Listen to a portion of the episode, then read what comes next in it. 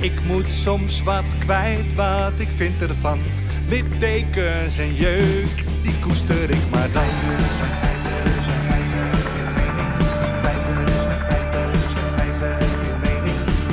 Duidelijk en luid. Riemen vast vooruit,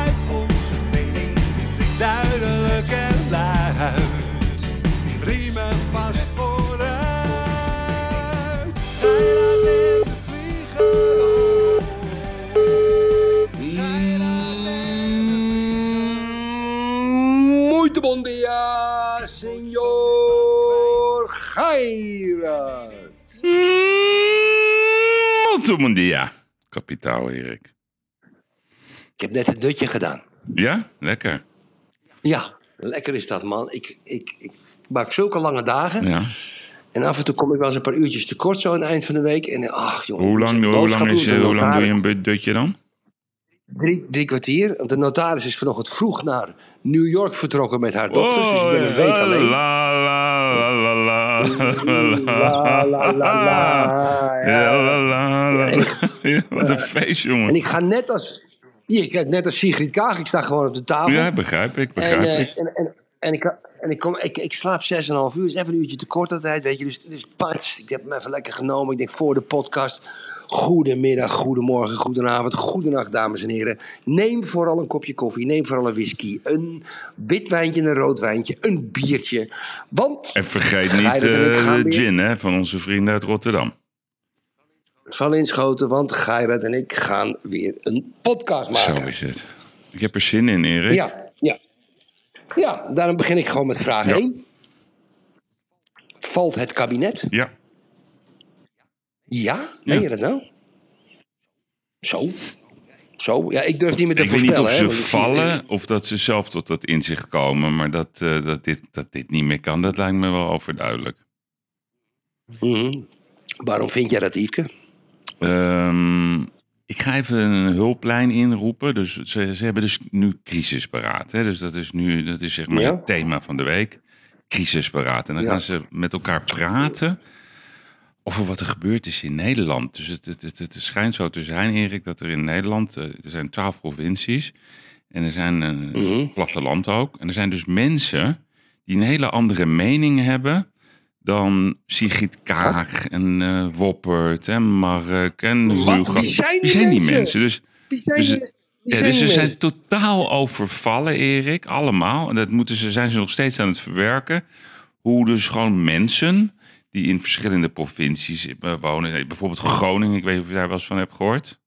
Ken, die Ja, is dat niet ergens boven Lelystad? Ja, boven Lelystad. Nou, Ja, dan heb je ja. ook Arnhem. Dat, dat, dat, Arnhem, is dat niet uit de oorlog? ja, dat heeft, ja, met de oorlogsfilm? heeft dat weer te maken. Ja, ja, ja. Met een brug of zo? Ja, iets met een brug ook. En Ja. het schijnt ook dat er een ruzie is over een voetbalclub eh, met, met, met shirts. En er schijnt Abramovic Mhm. weer 100 miljoen aan gefinancierd te hebben. Nou, dat, daar hoorden ze ook, dat daar ook mensen wonen. Dan zijn ze er ook achter gekomen dat, er ook, eh, dat we eilanden hebben in ons land. Echt? Terschelling, nou, daar schijnt ook een andere mening te zijn. Dus ze zijn Ik dacht dat we alleen Vinkenveense Nee, eiland hadden. Yves. nee, Vinkenveen nee, een beetje. ja, dat- en, het, ei- en in Ja, Amsterdam. klopt. het, eh, nee, maar ik heb het ook net gehoord. Dus ik heb het net gehoord dat, er ook, eh, dat we eilanden hebben in Ongelooflijk. Nederland. Ja, ja, schijnt eh, uniek. Uniek, Erik. Niet, Nou, niet. Ja, Limburg, heb je daar wel eens van gehoord? Limburg?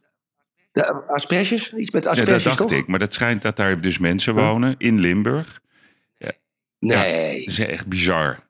Want, en, de, en we, we hebben vorige keer Veel? Nou, Veel best wel wat, Veel? ja. Dus, dus, want we hebben bedacht dat er alleen wasberen woonden. Dat hebben we natuurlijk ge- geleerd, hè, dat de wasberen... Ja. Ja, die, die, wasberen, ja, die, die moeten nu werden weggejaagd door de wolf. Want anders komt Marjan Ja. Koopmans weer vaak op tv. Zeker, dus, zeker, dus, zeker. dus ze krijgen zoveel nieuwe informatie. Dus dat moeten ze allemaal verwerken. Ze zijn helemaal ja, ja, benieuwd wat er aan de hand is. Nou, en hoe werkt dat dan? Dus dan, dan staan er allemaal van die cameramensen. Die zijn ook trouwens in verwarring. Want die zitten nu elke dag stukjes te schrijven. Van, hé, hey, hoe kan dat dat jullie dat niet wisten? En die gaan dan vragen stellen. Dus dat is even de eerste hulplijn van vandaag die ik inroep. Meneer Van Rijen, wat staat er eigenlijk op het programma Maar niks. Ja, nou we gaan eerst eten, heb ik begrepen. Wat, wat wordt er gegeten?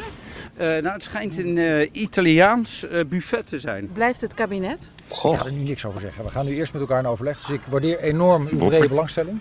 Maar het is niet nuttig om daar nu eh, voorafgaand aan de bijeenkomst nog meer over te zeggen.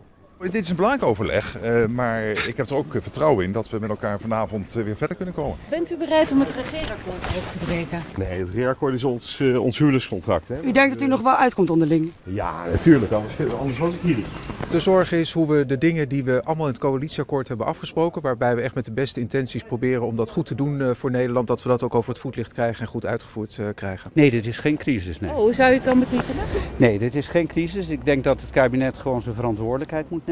Het is gewoon een gesprek om eens even met gewoon mensen van de vier partijen in het kabinet uh, terug te blikken en vooruit te blikken. Een eerste gesprek hoeft niet meteen iets heel concreets op te leveren. Ik denk dat het goed is dat we met z'n allen twee weken na de uitslag zitten in oh. alle rust. Um, met elkaar um, perspectieven delen. Kunnen we het anders doen? Kunnen we zaken versnellen? Kunnen we uh, ook vertrouwen terugwinnen door handelen? Want uiteindelijk willen mensen, iedereen in het land wil resultaten zien.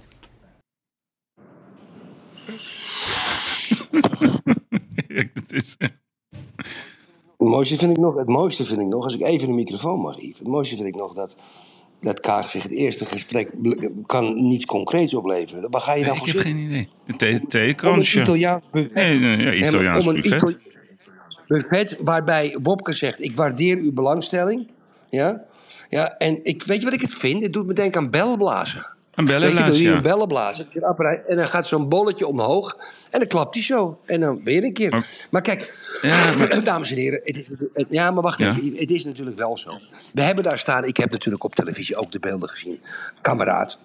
En dan zie ik dus 25 tot 50 journalisten staan die niet het volgende vragen. Hoe is het met de wooncrisis? Hoe is het met de stikstofcrisis? Hoe is het met de klimaatcrisis? Hoe is het met de toeslagencrisis? Hoe is het met de gascrisis? Hoe is het met de watercrisis? Hoe is het met de vluchtelingencrisis? Hoe is het met de energiecrisis? Hoe is het met de coronacrisis? Hoe is het met de koopkrachtcrisis? Hoe is het met de zorgcrisis? Hoe is het met de aardbevingsschadecrisis? Hoe is het met de jeugdzorgcrisis? Dat vragen ze niet.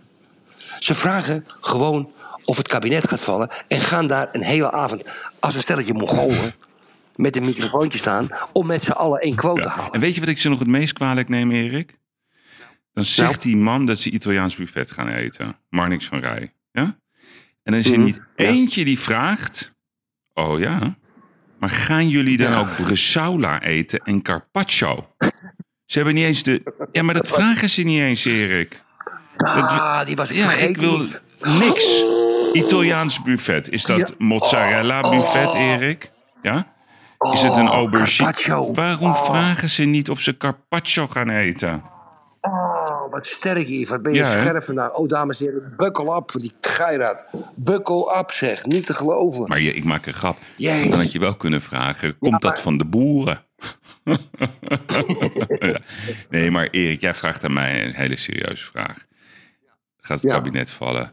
Ja, dat, dat gaat, dat, het, het heeft geen zin meer. Het is, eh, ze noemen het een huwelijk. Het is helemaal kapot. Niemand heeft er nog vertrouwen in. Ik, ik, ik vind ook de media, die, die toch wel twee jaar lang heel volgzaam achter ze aan heeft gehobbeld. I, I, Ja, slaafjes, slaafjes. ja. Iedereen die kritisch was met echt goede argumenten. Er zaten ook mensen die een beetje rellerig waren. Maar elke keer goede argumenten over al die verschillende dossiers. Die zijn altijd gecanceld. Die zijn altijd weggezet als complotdenkers, als domrechts en noem het allemaal op. En nu opeens, want ik, ik, zit natuurlijk heel vaak in die auto en dan zit ik te luisteren op Radio 1. En dan komt er weer zo'n planbureau en al die journalisten van Radio 1, Erik, van Nieuwsuur, van, al, van de AD, Volkskrant, Trouw, Parool, Telegraaf, zijn uitzonderingen, die zijn altijd wel kritisch geweest. Opeens zegt ze, ja, ja, wat raar allemaal eigenlijk. Een andere Het mening. is, niemand heeft voortschrijdend inzicht. Niemand is in staat, of het nou die mediapartijen zijn, of het zijn al, de, al die politieke leiders, om verder Mhm. te kijken dan een dag, Erik. Is dat niet heel gevaarlijk, Yves? Nou, eh, vind Ja, je ik vind het levensvraag. Want jij, jij, jij, jij, het is jouw taak. Jij bent leider van een bedrijf. En dan moet jij nadenken over hoe jouw markt eruit ziet. Ja, medio 2024. Medio, dat is jouw taak. Dat is, daarom ben je wel Ja. of geen goede ondernemer. Het is niet een spelletje of zo. En het is ook niet gratis geld. Je hebt een taak, je wilt zo graag die politiek in, dat vraagt om leiderschap. Ze kunnen helemaal niks. Dus als je vraagt, ik heb, ik heb gisteren zitten kijken, dat was op één, Erik, over de asielcrisis, kinderen. Eh, Er was een meisje uit eh, Palestina, zo'n ongelooflijk lief, schattig kind. Die wordt naar zeven verschillende asielzoekerscentra ge- gestuurd. In één land, Erik. En dan zijn die, die domme Mm. Charles Groenhuis. Oh, daar heb je wel wat leuks gezien van Nederland. Ik, ik bedoel, ja, ik had hem over de tafel heen getrokken. Nee, maar ik meen het, ik had gewoon, Ja, ik had gewoon zin om hem in zijn gezicht te spugen. Eh, Het is zo onwaarschijnlijk dat we niet eens in staat zijn om gewoon kinderen, Erik. We hebben het niet over volwassenen, over kinderen, fucking kinderen die gewoon hun best doen, die vloeiend Nederlands praten, die hun bijdrage willen leveren. Die worden hier gewoon van het ene naar het andere eh, kastje gestuurd. We kunnen niet eens ervoor zorgen dat kinderen die thuis om wat voor reden ook geen fruit krijgen, geen ontbijt, gewoon in een dag zeggen, joh, hoeveel scholen hebben we in Nederland? Oké, zoveel. Hoeveel kinderen redden het niet? Oké, prima. Hoeveel hebben we nodig per kind per dag? Oké, dat is het potje. Binnen een week opgelost. Klaar. Ja. De- ik bedoel, wat Ja. is dit voor gelul allemaal? Nee, dan komt zo weer zo'n politicus, Ja. die gaat dan met de, met de NOS gaat hij naar school om te laten zien dat twaalf kinderen fruit eten. Jongen, het, is, het, het zijn echt gewoon debielen. Het zijn gewoon debielen. Je- Vind jij niet dat de depressiviteit om de hoek Nee. eh, loert, Yves?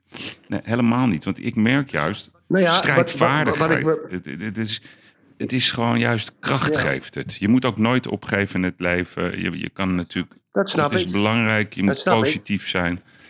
Alleen je mag je Ja, wel daar heb ik je zo nog- verbazen. daar, heb ik, daar heb ik je zo nog even wat over te vragen. Over nooit opgeven in het leven en positief Mm. zijn.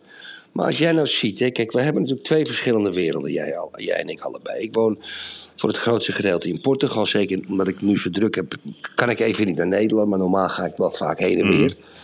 En ik kijk natuurlijk naar Nederland op een hele andere manier dan jij. Jij fietst naar huis, jij rijdt naar huis, je gaat...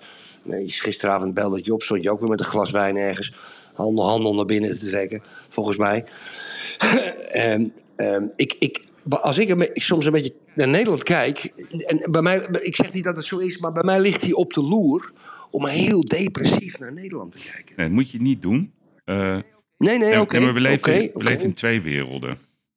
Eh, de echte wereld en de, en, en de, zeg maar de, de, de fake wereld. En de fake wereld, dat is A, de wereld van onze politieke leiders, die gewoon zelf hebben gekozen. Die leven gewoon in hun eigen sprookje, in hun eigen theatervoorstelling. En die zijn totaal vervreemd van wat er eigenlijk in dat land gebeurt. Ze hebben gewoon geen idee. Ze zeggen dat ze het weten, maar precies zoals jij ne- net zei, wie zijn die mensen? Ze zitten in vliegtuigen, dan gaan ze weer naar Brussel, dan gaan ze naar Washington, dan gaan ze weer naar de, de, de Davos, dan gaan, dan gaan ze snel naar de Oekraïne, daar weer verhaaltjes doen. Ze zijn alleen maar bezig met wat vindt de bühne. Dus er zit ook geen, Mhm. geen, geen diepe waarheid in van ik wil het graag goed doen, want dat is waarom je volgens mij de politiek in gaat. Het goed doen. Zeker. Je wilt graag iets betekenen voor de, voor de mensen, voor jonge mensen, voor mensen die het moeilijk hebben. Daarom ga je in de politiek. Maar onze Mhm. leiders die zijn verslaafd aan de media-aandacht. En de media is weer verslaafd aan het vastleggen van deze voorstelling. En die zijn met elkaar verweven. en maar die twee zijn met elkaar verweven. En die weten helemaal niet hoe een land in elkaar zit. Die gaan niet wijken in, die duiken niet, zeg maar, gewoon een straat in en gaan daar gewoon met de mensen praten en, en op zoek naar de waarheid en op zoek naar de realiteit. Ze hebben allemaal een universitaire achtergrond, maar ze hebben geen ervaring hoe het leven in elkaar zit. Ze hebben geen littekens, ze weten niet wat pijn is. Echt pijn, dat je niet weet hoe je rekeningen moet betalen. Ze drijven allemaal op, op, op, zeg maar, op die staatsmachine waar het geld werkelijk, waar de, de, de plinten uitklost. En ze geven dat ook vier keer te veel uit. En als ze het niet meer weten, Ja. zeggen eh, belasting omhoog. Ja, ja, dat is de enige Ja, hoe ze kunnen denken. Dat is de Enige oplossing die ze ja, hebben. Dat is hun werkelijkheid. En dan heb je de werkelijkheid van de straat. En dat is een mooie werkelijkheid, Erik. Ik was gisteravond, hè, dat heb je goed ge- gezien, ik was in Rotterdam. Ik was eerst bij, ehm, eh, hoe heet het, eh, Live After Voetbal. Dat is van eh Regie Blinker en Soufian. Die hebben een heel leuk voetbalblad. En die, en die organiseren één keer per jaar voetgolf. Dat is altijd gezellig. Ik vind het altijd leuk met voetballers.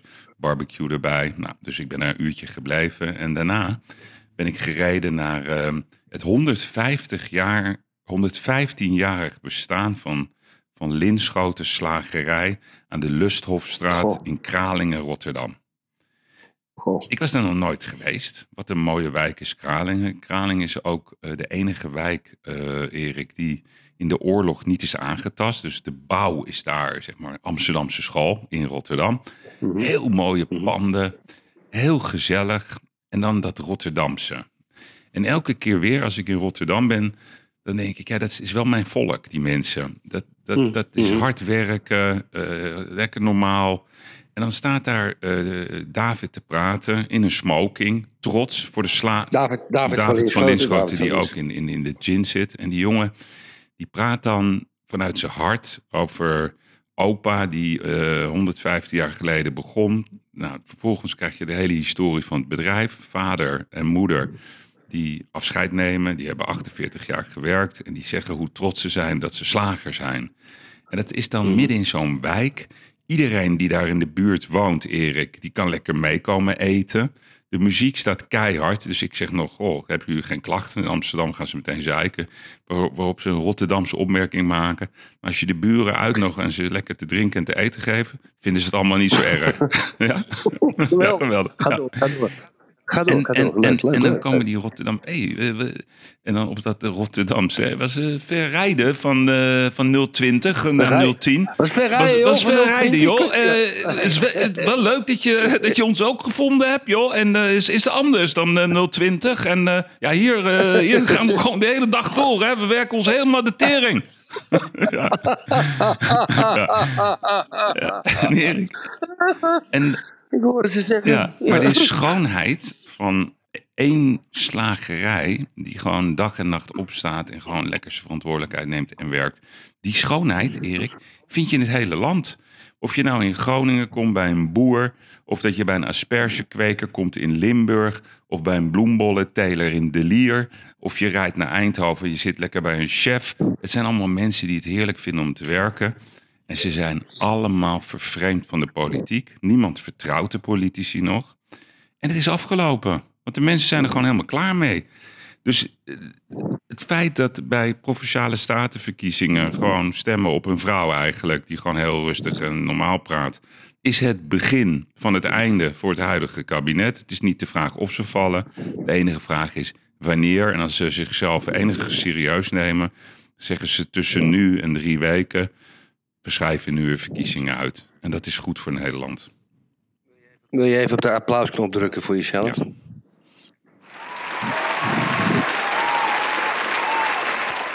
Ja. Goh, ja, ik ben het. eh, ik, eh, ik, ik kan hier gewoon geen spel tussen krijgen. Mhm. Maar we kunnen er altijd nog een onderzoekscommissie tegenaan gooien. Ja.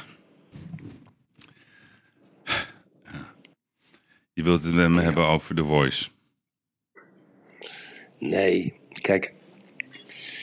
Die hele overheid waar jij het net over hebt, we moeten nu te veel met over de overheid doen. Is, kijk, als ik dan weer ergens een probleem zie, of het nou het gas in Groningen is, de toeslagenaffaire, eh, de koopkrachtproblemen, eh, noem zo maar de wooncrisis. Dan zijn er blijkbaar ministers die een hoge ambtenaar een opdracht geven om allerlei onderzoekscommissies op te stellen, die vervolgens weer accountantskantoren gaan inschakelen, recherchebureaus gaan inschakelen, advocatenkantoren gaan inschakelen. Wat niet, ik heb die, dat kompas weer gezien, wat het allemaal kost, die wijzer, wat het allemaal per jaar kost, al die ministeries die maar opdracht geven. Ah, onder die ministeries, dames en heren, is een hele industrie ontstaan. Van enerzijds non-profit organisaties. En ik kom ze op social media kom ik steeds weer nieuwe tegen. Ja? Eh dan is het weer het, het behoud voor de, voor de, voor de huismus in, in, in Salland Noord. Dan is het weer een, een, een, een studie naar eh, kinderen met één been in, in Den Helder West. Eh, dus da- daar is een. En daar zijn allemaal subsidies. Er zijn allemaal mensen die daar op knoppen drukken. Daar gaat geld naartoe. Vervolgens worden met al die overheidsbeslissingen, al die fouten die ze nemen, al die onderzoekscommissies, worden ge- gewoon tientallen miljoenen, honderden miljoenen aan een soort industrie gedumpt van adviseurs. Eh, en die mensen, die adviseurs, die bedrijven, die worden alleen maar in het leven geroepen om een, een alibi, of om een, voor een alibi te verzorgen van de politiek. Ik vind, Yves, en dat vind jij ook, mochten wij ooit minister van eh, efficiëntie worden en jij de minister van creativiteit, dan zouden we een wet maken dat ambtenaren en, en, en politici dit soort bedrijven niet meer mogen inschakelen. Ja, daar ben ik het zo ontzettend mee eens. Kijk, volgens mij roepen we dit al heel lang. Kijk, die, die, die rapporten, die, die worden alleen maar gemaakt, betaald voor Alibis. allemaal Alibis. alibi. Ja. Deloitte heeft, eh, ja, die heeft het eh, onderzocht. Daar zijn ze 14 maanden mee bezig geweest. Eh, ze hebben 192 mensen gesproken. En uit het onderzoek is gebleken dat een en ander niet helemaal goed is gegaan. Maar wij treffen geen verantwoordelijkheid. Dat is het enige wat, wat ze willen. Dat is het enige stempeltje. Weet je waar ik voor pleit, Erik? Dat elke keer als we een onderzoek zouden moeten doen. Er zou eigenlijk in Nederland een organisatie moeten worden opgericht. Een onafhankelijke journalistieke organisatie. Een beetje follow the money, Erik. Weet je, af en toe irriteren we ons natuurlijk helemaal aan, aan die Erik Smit. Maar ze doen ook goede dingen. Ik zou er heel erg voor pleiten als er een, eh, ja, gewoon een onderzoeksinstituut komt. wat gewoon geen belang heeft. Lang leven het. En die moeten gewoon altijd onderzoeken doen. En hoe kan je nou een onderzoek geven aan een bedrijf waar de partners aan het eind van het jaar met hun tong langs hun mond lopen en zich lopen te af te trekken op hun eigen bonus van 1 miljoen euro. En dan gaan ze vervolgens gaan ze daar op een avond gaan ze lekker eh, wegsnuiven gedeelte. En dan gaan ze ook nog helemaal vollopen. Eh, Ik chargeer het, maar het is wel vaak de praktijk. Je kan niet dit soort onderzoeken geven aan dit soort organisaties. Of het nou KPMG is, of het is Deloitte, of het is Hofman Bedrijfsrecherche. Ze lullen zich er allemaal in. Ze zijn niet onafhankelijk. Ze zijn het niet. Ook dat zien we ook bij dat onderzoek van Van Doorn advocaten naar The Voice. Het is onbegrijpelijk dat, dat de overheid niet de moed heeft, want daar gaat het om, om grote vraagstukken neer te leggen bij journalisten. Want dat zijn de beste onderzoekers. En dat kan een, een, een ondernemersjournalist zijn, dat kan een financiële journalist zijn, een politieke journalist. Mensen die gewoon houden van dat vak en die op geen enkele manier ergens aan gebonden zijn. Dan krijg je namelijk wel goede resultaten. En dan krijg je ook wel de waarheid. Maar dat willen ze niet, want dan weten ze dat dat het begin van het einde is. Ik zou dat meteen, meteen verbieden. Ik ben het helemaal met je eens. Oké, dan ga ik dus die stap maken die je net ook stap maakte. Kijk, eh The Voice, eh, uiteindelijk is dat hele Talpa is natuurlijk van ITV Engeland. Mhm. Die hebben Van Doorn als huisadvocaat. Die hebben vervolgens, heel vromer dan de paus, een onderzoek door hun eigen huisadvocaat laten Ja. doen. Ja, en dat wordt dan opeens een officieel rapport, wat dan weer op televisie wordt besproken. Ja, dus het is niet alleen de politiek. Het zijn natuurlijk ook de bedrijven die dat doen, Yves. En in dit geval ITV en, en Talpa. Ja, nou ja, ik, kijk, Tamar die stuurde mij eh, dat bericht door. Dus, dus ik, ze zegt, ja, wat vind je ervan? Erg, hè? Dus ik zeg meteen tegen haar, ik las even dat eh, persbericht.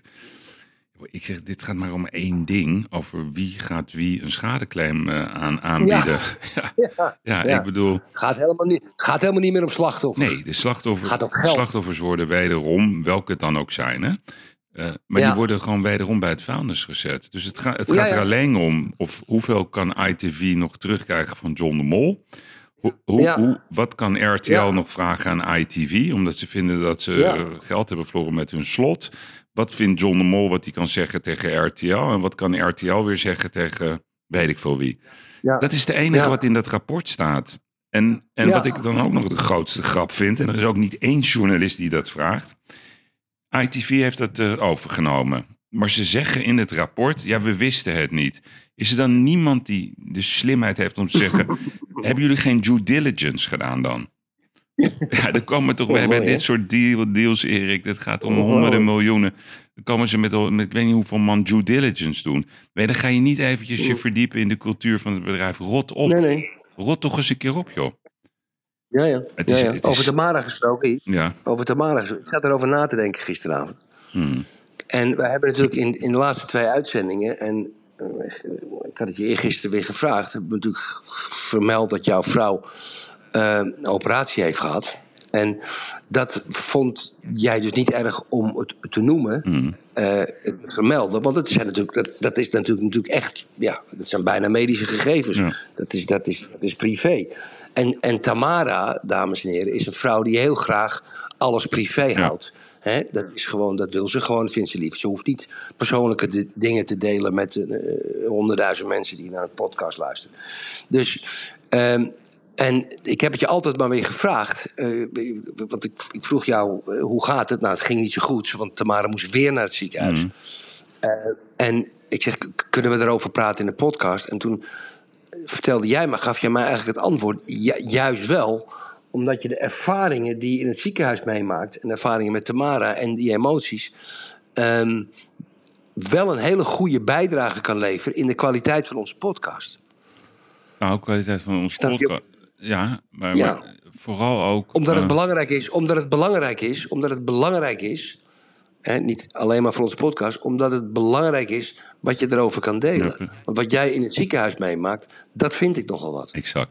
Maar vooral dus, wat want Tamara die vindt dat, hè, dus, dus helemaal, helemaal perfect zoals je dat omschrijft. Hè. Tamara die wil het liefst eh, altijd op de achtergrond opereren. Die luistert ook niet naar de podcast. Eh, die vindt het op zich wel natuurlijk wel grappig om af en toe, die krijgt natuurlijk heel veel reacties eh, op de WhatsApp. dat zijn dingen die wij dan bespreken.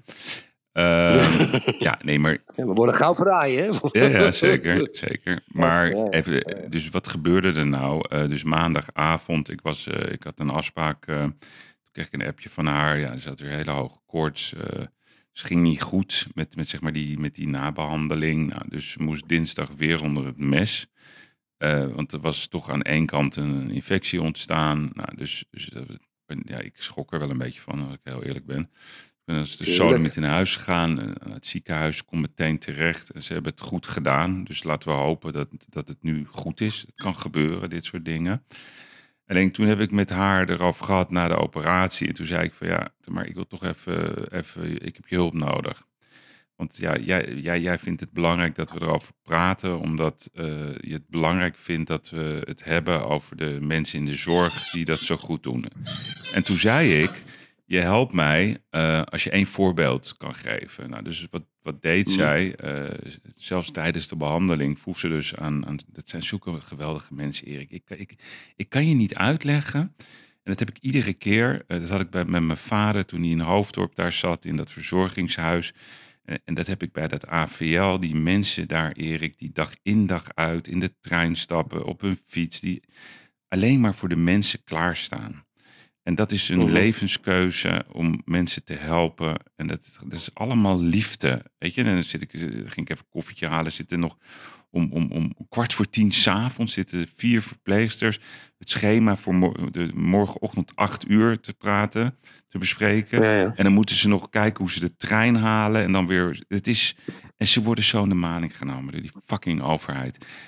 En toen zeg ik er maar één voorbeeld. En er was één, één, één een meisje, dame, vrouw, ik weet niet hoe ik het moet zeggen, 32 jaar, die stond aan haar bed. En toen vraagde, vroeg ze, goh, en wat doe je dan? En toen zegt dat meisje, nou ja, ik doe wat ik nu doe, ik help jou en eh, ik ben, ben ondersteunend. En ik moet nog 40 jaar. Maar eigenlijk wat ik doe, zegt ze, is ik werk hier om de kinderopvang te betalen. En dat was voor mij zo symbolisch. Ehm, God, ze krijgen er koud van. ja. Hoe ze, ze, de- je, je hoeft niet veel voorbeelden te hebben om te begrijpen hoe die overheid omgaat met, met de belangrijkste mensen die er zijn in ons land. Dat zijn de mensen van de zorg. Mhm. En dan staan ze zo schijnheilig te klappen en zo schijnheilig, eh, ja, de zorg is allemaal geweldig. En zodra dan even de mistgordijnen weg zijn, laten ze ze weer bas, barsten. En dan sturen ze die... Ja, maar Melkert, we- maar we hebben Art Melkert toch niet? Art Melkert is, is, is de grote baas daar neergezet door onze overheid Ja. voor de ziekenhuizen. Ja, weet je, alleen als ik die naam hoor, ja, Word je nou niet eens een keer een beetje boos of niet? Ja, natuurlijk ben ik boos. Als ik, ja, Het is zo erg, Erik, dat, dat, dat, dat ze gewoon niet gewoon het fatsoen hebben om die mensen. Want waar gaat het om?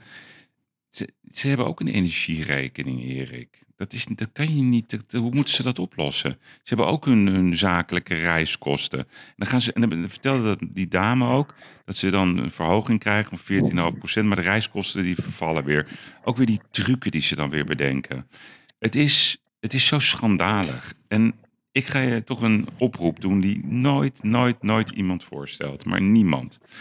En ik begrijp dat niet. En jij hebt verstand van, van, van rekenen. Kijk, we halen elk jaar 300 miljard binnen op het gemak. Ja, alsof het niks is. In, welk, in welk boek staat dat als jij 300 miljard ophaalt, dat je dat ook moet uitgeven? Dat staat in geen boek, Erik. Er is geen boek in Nederland waar staat dat als je 300 miljard ophaalt, dat je ook 300 miljard moet uitgeven. Er is maar één organisatie in Nederland die zichzelf moet veranderen en dat is de overheid. Ze moeten vanaf morgen gaan beginnen met een reorganisatie. Ze moeten een serviceoverheid worden. Ze moeten er zijn voor ons. Wij nemen allemaal onze verantwoordelijkheid. Jij ook nog vanuit Portugal. En onze Zeker, verantwoordelijkheid zeker. bestaat erin dat wij elke maand met plezier belasting betalen. Maar ik wil verdomme dat ze een keer goed omgaan met het geld dat we iedere maand aan ze overmaken. En dat geldt voor mij mensen en dat geldt voor mij als ondernemer. Het is hun taak om ervoor te zorgen dat onze politiemensen, dat onze brandweermannen, onze zorgmedewerkers en al die bijzondere mensen die ons helpen en die ons dienen en die altijd voor ons klaar zijn, die moeten ze een keer fatsoenlijk gaan behandelen. En ze moeten nu eens een keer voor gaan zorgen dat het geld wat ze van ons krijgen, dat ze dat op een normale manier uitgeven. Ze smijten ermee, Erik, alsof het dropjes zijn, alsof het smarties zijn. En zij moeten vanaf morgen zichzelf gaan analyseren en gaan saneren. En ze moeten een serviceoverheid ervan gaan maken, zodat we eindelijk een keer klaar zijn voor de toekomst. En ze moeten ophouden met het gezeik en dat bunespel, want ik vertrouw ze niet meer, ik kan ze niet meer aanzien en heel Nederland denkt er hetzelfde over.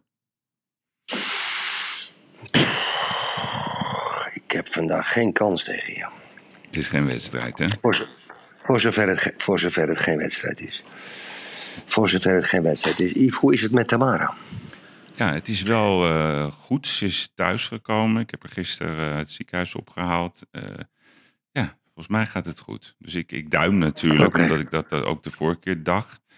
Maar ja, Zeker. je loopt altijd het risico. Kijk, het hele lijf, eh, ook jouw lijf, we hebben allemaal overal bacteriën. En als je pech hebt bij een operatie, maar één zo'n bacterie even ja, toch eh, ergens naar binnen te treden, dat leidt tot ontstekingen. Nou, dat is verschrikkelijk. Zeker, zeker. Dus ik hoop, ik hoop dat, dat, dat ik hier niet meer af hoef te praten. Maar, maar wel dank je dat je het ernaar vraagt. Oké, ga ik Laten we, klein en laten we vooral ook, en dat is het belangrijkste Erik.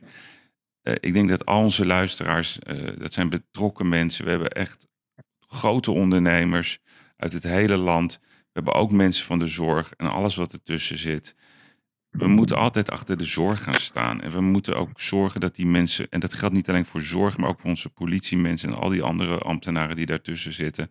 Die moeten gewoon goed behandeld worden. Die moeten hun werk kunnen doen en die moeten niet in een situatie worden gebracht dat ze zich zorgen moeten maken en buikpijn krijgen van hoe ze aan het eind van de maand rondkomen. Dat kan echt niet. Ik vind het asociaal. En ik vind het ook asociaal dat, dat altijd maar dan dat SP, ja, moeten de rijken belasten. Er is een verschil tussen ondernemers die hun verantwoordelijkheid nemen en tussen de postbusdoorsluisers. Die moet je aanpakken. Zeker. Dat is wat we moeten doen. We moeten aan de ene kant die, die doorsluisers aanpakken. En aan de andere kant moet de overheid eens een keer gewoon hun eigen organisatie gaan organiseren. Oké, ja, daar wil ik wat op zeggen. Kijk, Yves, ik, zit, ik zei net, ik wil even naar het midden van je betoog gaan. Hm. Je mooie betoog. Eh, over dat je zegt, we moeten ons eens realiseren, ze moeten ons eens realiseren, dat de overheid er voor ons is. En dat het eigenlijk gewoon een doodnormale serviceorganisatie is. Waarbij veiligheid, leger, een heleboel aantal zij-effecten. waar ze zorg voor moeten dragen. waar mensen voor in dienst zijn genomen. ministers, hoge ambtenaren, et cetera. om het land goed te laten lopen. Nou, in zo'n reorganisatie die jij in je hoofd hebt. dan heb je even natuurlijk alleen maar de grote lijn heb je verteld. Hè, en die grote lijn, de, de overheid, een land, is nou eenmaal een gecompliceerde entiteit. Ja? om, dat, om dat te gaan hervormen. Ehm, is niet zomaar een ding wat je roept, zoals Thierry riep. eh, we moeten de overheid hervormen. Nee, nee. Als iemand dat zegt, dan moet je ook zeggen hoe in de diepte ja, je de overheid moet hervormen. Nou, daar kunnen we, wij kunnen daar een, een podcast over maken van 300 uur lang. Ja. Een detail. ja, dat kunnen wij. Ja. Maar het valt en staat uiteindelijk met, vijf, met 75 plus 1. Mhm. Ja? Klopt. Dus de, de enige oplossing is een 75 plus 1 situatie. Waarvan we moeten hopen dat die organisatie, die 75 plus 1, toegewezen krijgt van het electoraat. Daar enerzijds heel zorgvuldig mee om kan gaan. En anderzijds dit in zijn partijprogramma heeft staan. En het goed vervolgens kan uitleggen aan de mensen. Want het gaat ook nog ergens pijn doen als je dat moet bereiken. Klopt. Ja? Helemaal Nou, waar. Dan is mijn vraag. We hebben het altijd in onze podcast, Yves Geirat, over de tovenaar. Hè? En degene die deze vonk aan moet steken, die die aansteker uit zijn zak moet pakken. en dat waakvlammetje aan moet steken, waardoor dit als een lopend vuurtje door kan gaan. op een natuurlijk verantwoorde wijze. met 500, 600, 700 subonderwerpen en daar weer onderwerpen bij. Dat denk ik dat Caroline dat ook niet is. Ja? Kijk, we hebben natuurlijk we hebben, we hebben natuurlijk een aantal mensen gehad in de voorgrond van Fortuin, van even Baudet en dan was het weer die en dan was het weer zus en dan was het weer zo. Nu is het Caroline, die even in onze ogen toch een kleine tovenaar is, wat ze gedaan heeft. Ja. Hè? Grote tovenaar op electoraatgebied. Tweede Kamerverkiezingen moeten nog beginnen. Hè? Maar het landschap is nog steeds versplit, versplinterd en zij heeft pas een kwart. Nou, die 75 plus 1 organisatie. En a- als je het mij vraagt, als ik het zou moeten doen, ik zou daar te oud voor zijn. Jij zou nou, op een hele andere met te veel werk, laat ik het zo zeggen. Maar ik denk niet dat Caroline ehm, eh, bij machten is om dit vergevo- die vergevorderde wens van jou eh, uit te rollen naar een betere maatschappij. En er is mijn laatste vraag, en dan sluit ik af: wie dan wel? Mhm. Of moeten we nog steeds wachten? Nou ja, kijk, ik denk eerst dat. dat kijk, het klopt allemaal wat je zegt. Hè? Want ook, ook Mhm. een sanering leidt natuurlijk tot, tot, tot, tot pijn. Hè? Dus, dus dan krijgen Zeker. mensen te horen: ja, voor jou is eh, geen werk binnen de overheid. Ja. Of, Ja, nou, maar dat is wel normaal bij een reorganisatie. Dus je moet ook wel bereid zijn om, om, om, om een moeilijke beslissing te nemen. Om een nieuwe horizon eh, aan te gaan. Want anders gaat het nooit lukken. Hè, ze, het ze hebben het over een huwelijkscontract. Maar ja, een huwelijk wat niet goed is. Ja, heel eerlijk, moet je gewoon met elkaar om de tafel gaan zitten en zeggen: ja, we moeten het huwelijk beëindigen. De enige vraag is op Mhm. welke manier. Ik denk wel dat Caroline het vermogen heeft om te begrijpen. Hè, dus ze wordt een beetje onderschat, heb ik het idee. ehm, dat er iets moet gebeuren. Ik, ik moet namelijk terugdenken, Erik. Toen ik studeerde, eh, heb ik ooit eens een keer stage gelopen. Ik weet echt niet meer waar, maar het was bij een overheidsgebouw. Dat is, nou, ik weet niet hoe, 30, 35 jaar geleden, meer nog. En toen vond ik het al zo raar. Dus die overheid die is gewoon niet vernieuwd. Om wat voor reden dan ook. Dus dat, dat, dat, dat is zo ingewikkeld gemaakt. En de, ker- de Ja. kern, Erik, waar alles begint, is het ons fiscale systeem. Want dat zijn onze inkomsten. Dus Mhm. als wij gaan zitten met elkaar en we zeggen tegen elkaar: oké, we gaan saneren. Maar dan zeggen we wel tegen elkaar: oké, we moeten wel zorgen dat we genoeg poen op de bank hebben. Ja, ja. we moeten wel. Ja, nee, maar zo is het. Zo simpel is het. We moeten wel rekening- zorgen. we moeten de rekeningetjes kunnen betalen. Hallo? Ja, dus het eerste wat je moet doen is je moet gewoon kijken naar je manier van inkomsten. Dat is de eerste discussie die gevoerd moet worden. Van hoe kunnen we ervoor zorgen dat we misschien met minder inkomsten, maar veel lagere kosten, een veel prettiger land hebben. Mij kan jij niet uitleggen waarom wij duizenden belastingmaatregelen hebben. Ik, je kan het me niet uitleggen, Erik. We- Nee, nee, maar, maar, maar dus het gaat, grote om, voorbeeld... nee, maar het gaat om een, eerst Ja, om een maar- aantal principes. Dus A, Ja, maar je trampoline, je trampoline naar het grote voorbeeld was natuurlijk... en daar krijg ik het koud van... Hmm. dat een vrouw van 32 jaar in het Ja. ziekenhuis... die fucking, fucking levens aan het redden is... Ja. voor helft van de salaris, of 60% van de salaris... naar de kinderopvang uitgeeft... omdat ze gescheiden is van de man dat de klootzak was, bij wijze van spreken. Ja. Ja, en, die moet dan, die- en die werkt dan en die kan bijna eigenlijk niet op vakantie... omdat al het geld naar de kinderopvang gaat. Ja, dat is voor mij het allesomvattende voorbeeld... dat de overheid niet meer weet hoe ze de normale mensen die werken gelukkig moeten maken. exact. Dus wat Nee, sterker nog, wij, normale mensen die werken kunnen zichzelf gelukkig maken. Maar ze doen maatregelen, ze hebben een, ze hebben een systeem gecreëerd... waardoor er ongeluk bij ons terechtkomt. Stikstofaffaire Ja. is gewoon fucking ongeluk over de hele ma- oh, de maatschappij... in fucking, fucking ongeluk dompelen, Yves. Ja. Nee, maar dus... En het gaat maar door. Nee, maar dat is... Maar kijk... En D66 is het kwaad. Ja, dat, dat- Ja? nee, oké, maar laten we... D66 Oké, nee, maar... de fucking duim, maar dat duivel. terzijde. Zeker, Erik. Ik, ik, ik, ik, ja, ja. Zeker. het zijn duivels. Het is ook de, dat- dat is ook het idee. De duif, 66 duivels. Fucking 66 fucking duivels. Maar goed, ja, maar ja, Nee, oké. Caroline. Maar even laten we Ja. even bij de bal blijven. Dus Ja, eerst moet je natuurlijk die 75 plus 1 krijgen. Dus dat is belangrijk. Dus dat, dat is, dat, anders lukt het niet. Dus dan, dan, dan wordt het een matpartij via allerlei kanalen. Dus dat is stap 1. Ik denk dat dat lukt. gekonkel. Anders krijg je gekonkel. Ja. Ik denk dat dat gaat gebeuren. Dus dat is ook een stukje hoop, maar ook een stukje ervaring dat ik denk van het gaat gebeuren. Dan komt er natuurlijk straks een situatie dat Caroline in de lead gaat komen. En ik deel wel jouw mening dat, eh, dat ik haar niet in eerste instantie zie als de grote innovator, als de grote tovenaar, als de grote leider. Maar waarom zou zij niet in staat zijn om iemand te zoeken die dat proces zou kunnen aansturen? Ik denk dat daar een overvloed aan mensen voor, voor te vinden is in Nederland. We hebben hele goede mensen, Erik. En dan kunnen we natuurlijk met z'n tweeën allerlei namen in de eten gaan gooien. Maar laten we dat nou juist niet doen. Want dan krijg je weer een namendiscussie. Ik, ik zeg tegen jou, er zijn vele tientallen mensen die dit zouden kunnen leiden, dit proces. En dan krijg je het proces. En dan is de volgende vraag, ja, hoe ga je dat proces dan implementeren? Dan zeg ik, joh, huur een bunker en begin in, in eerste instantie eens een keer te gaan brainstormen over wat de Nederlanders, wat de mensen gelukkig maakt en wat ze willen. Ga daar lijstjes van maken en zoek bij elk dossier uitvoerende organen. Wij zijn een land wat een onderzoeksland is geworden. Dus alles wat op ons afkomt, gaan we eerst onderzoeken. Dan stellen we een commissie in. De commissie gaat het onderzoek beoordelen. Vervolgens gaat de onderzoekscommissie vragen aan een andere onderzoekscommissie wat zij ervan vinden. En tenslotte gaan ze nog een consultancybureau inschakelen. Dan gaat het in naar de Tweede Kamer. Dan wordt het besproken bij op één. Dan haalt het de Eerste Kamer niet. En dan zijn we weer terug bij af. En dan zijn we weer drie jaar terug. Zo gaat elk dossier. Dus jij en ik weten ook dat als er een probleem is, en dat is er. Morgen zijn er problemen, volgend jaar zijn er problemen. Problemen zijn van alle tijd.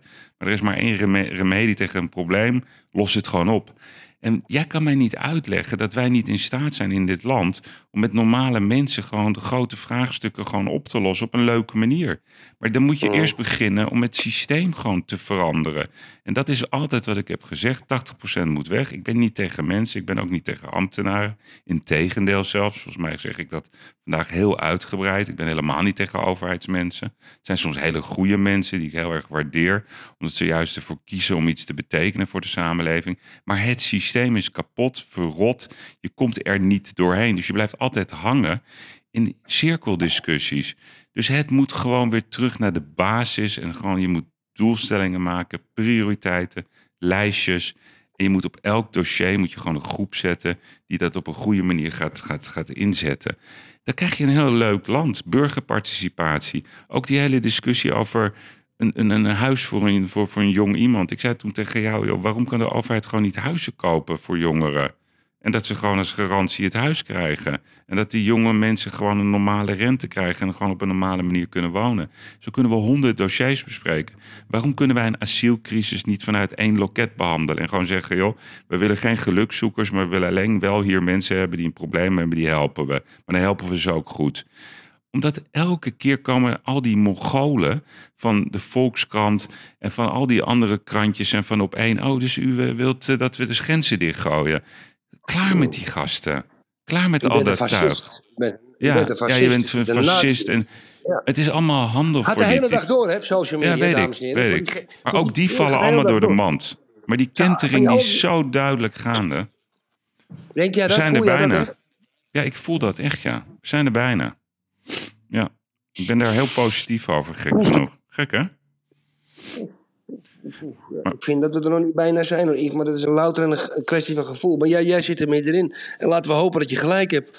Ja, maar er moeten wat mensen weg. Ja, er moeten toch wat mensen weg. Er moet, Popke moet weg, Rutte moet weg, Kaag moet weg. Allemaal. Thierry moet, Thierry moet ook weg. Ja, Ja, Wil- Wilders moet weg. Ze moeten allemaal Wilders weg. moet ook weg. Ik, Weet er Wilders die ook- kaapt gewoon 1 miljoen stemmen. Ja, die doet er niks mee. Ze moeten allemaal weg. Gewoon weg. Ja. Allemaal weg. Ja, ja laat, laat Martin Bosma het maar overnemen op de PVV. Nou, zo'n Bosma Ja. is prima in een Ja. uitvoering. Weet je, dat, dat, dat- Ja. aan hem vertrouw ik graag uitvoering toe. Maar al die bühnespelers, de mooi weervoetballers. Ja, joh, en dan zitten ze elkaar helemaal de tent uit te, te vechten. Alleen maar ruzie. en daarna gaan ze, ruzie. gaan ze een pilsje met elkaar drinken. Ja, we kunnen het heel goed met elkaar vinden. Ja, wat, is, Ja. wat is dit voor... Het is net alsof ze de octagon inslaan. Ze slaan elkaar helemaal kapot. Maar in dit geval dan niet met bloed erbij.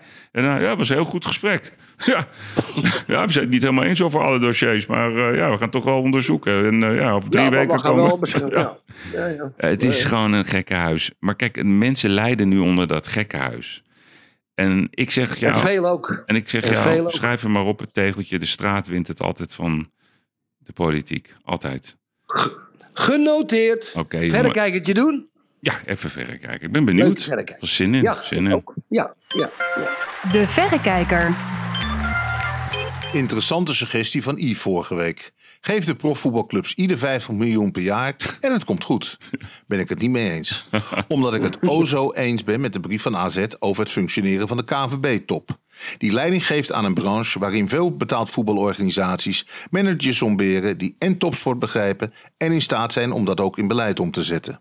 Momenteel de Achilleshiel van de totale vaderlandse topsport omdat klassieke bestuurders nog altijd hun opvolgers kiezen, wordt het gat steeds groter tussen de topsport en zij die dat proces moeten leiden.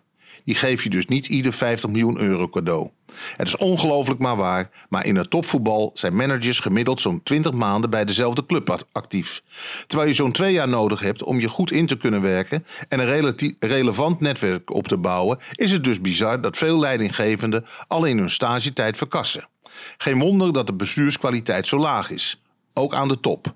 Wie de KNVB, Ajax, Feyenoord en PSV doorlicht, ziet dat drie van de vier worstelen met een gebrek aan visie en ondernemerschap. Dat is ook de doorn in het oog bij AZ. De club en een organisatie die tegen perfectie aanschurkt. Die van mening is dat je niet Ajax, Feyenoord en PSV een status aparte moet geven, maar de eredivisie. Nederland loopt wat dat betreft al zeker tien jaar achter. De Formule 1, de Premier League, de NBA en NFL. Het zijn allemaal competities waarin collectieve kracht de uitschieters naar boven creëert. En tegelijk kansen biedt om eens in de zoveel tijd de Leicester Cities van deze wereld te laten stunten. Zoals AZ in 2020 bijna voor elkaar kreeg. Alleen verstoorde corona toen de opmars op het moment dat de Alkmaarders gelijk aan kop met Ajax stonden. De KNVB koos toen van achter het bureau Ajax als kampioen en kenden de Amsterdammers ook het volledige startbedrag van de Champions League toe. Dus 34 miljoen voor, voor Ajax en nada voor AZ. Een beslissing genomen door een, in, door een instantie die geacht wordt objectief te zijn. Het maakte pijnlijk duidelijk dat de KNVB geen besef heeft van hoe het de eredivisie competitiever kan maken. Sterker, het zorgt zelfs dat clubs die dankzij hun beleid aanklappen, aanklampen bij de top alsnog terug worden geworpen. Terug naar de op zich interessante suggestie van Yves om vanuit een nationaal sportplan de overheid zo'n 1 miljard euro uit te laten keren om het Nederlandse profvoetbal de next step in Europe te laten maken. Alleen subsidieer je dan wel een commerciële bedrijfstak en dat voelt niet goed. Het past ook niet bij moderne topsport die zich steeds onafhankelijker organiseert naar Amerikaans model waarbij de overheid niet subsidieert, maar faciliteert. Ook staat me tegen dat 1 miljard aan belastinggeld in handen komt van overwegend incompetente managers. Maar hoe kan het dat AZ een eigen vermogen heeft van 70 miljoen en Feyenoord in het rood staat? En hoe kan het dat AZ de laatste jaren in Europa een hogere coëfficiënt scoort dan PSV, waardoor Nederland volgend jaar twee teams mag inschrijven voor de Champions League. Dat de KNVB samen met Ajax, Feyenoord en PSV geen trek heeft in een onafhankelijk van de bond geopererende NL League is daarom een zwaktebod, gevoed door angst om macht te verliezen. Daarom houdt de KNVB de NL League tegen en heeft de top 3 feilloos door dat bij een gezamenlijk pact wisselgeld uit, Zeist een zekerheidje is. Intussen wordt de KNVB steeds meer een remmende factor voor de ontwikkeling van ons topvoetbal. AZ weet daar inmiddels alles van, maar wat te denken van wat het vrouwenvoetbal vorige week vrijdag overkwam.